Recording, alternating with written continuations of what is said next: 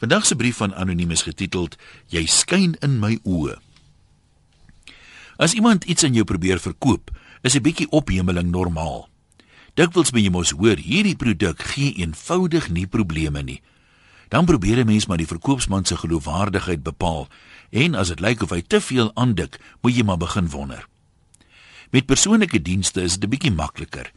As jou haarkapper se hare lyk soos die produk van aanranding met die opset om permanent te skend, sal jy seker twee keer dink voor jy daar 'n afspraak maak. So voel ek oor al die selfaangestelde geloofsbemarkers wat so aktief is dat hulle die sosiale media eintlik asosiaal maak.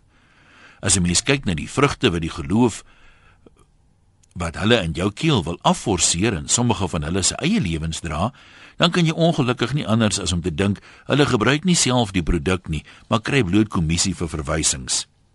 Sulke mense is gewoonlik vinnig om hulle self te verweer met ja, maar onthou, Christene is nie sonder foute nie. Dis waar, maar aan die ander kant, as jy dan sê jy's wedergebore, maar jy bly maar presies dieselfde as voordat dit gebeur het, sê dit seker ook iets of hoe. Ons almal se lewens getuig van wie ons is. As jy mense probeer ooreed om by jou geloof aan te sluit, is dit wesentlik dieselfde as wanneer 'n skool ouers nooi om hulle kinders daarin te skryf. Die skool onderskryf sekere beginsels en dit reëls vir leerders, al is daar nie noodwendig 10 gebooie nie.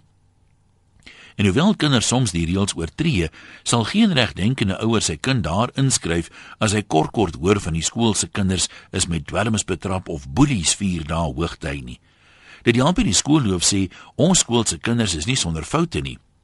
Dalk is jy self die rede hoekom mense skugter is om by jou groep aan te sluit. Ongelukkig wil bekendes ook gereeld in die media laat blyk hoe Christelik hulle is. Hoekom is nie duidelik nie. Dit klink wonderlik om op jou troue vir die media te sê julle sal nooit skei nie want geen mens kan skei wat God saamgevoeg het nie. Maar as jy dan enkele jare jare later wel skei en dan vir die media sê ons het bloot uitmekaar gegroei, is dit nie die media wat jou uit verband aanhaal of die wrede mense wat jou oordeel nie. Dis jouself wat met jou spontane getuienis spontane reaksie uitlok. Ja, sommige mense is wreed, maar kom dit glad nie by jou op dat jou lewe dalk 'n refleksie werp op ander Christene nie. Wanneer die volgende celeb iets soortgelyk sê, dan kom die gevoel van wolf wolf later spontaan by die publiek op.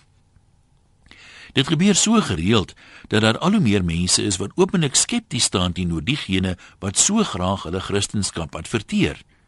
Sulke mense het dikwels iets om weg te steek hoor ek nou die dag. Vir hulle is kristendom 'n rookskerm wat daarmee moet help. Hoe kan jy nou nie van my hou nie en my nie vertrou nie? Ek is dan 'n kind van Jesus, lyk dit my is die argument. Vra jouself af of jy nie eerder Jesus se koninkryk skade aandoen met jou opmerkings en gedrag nie.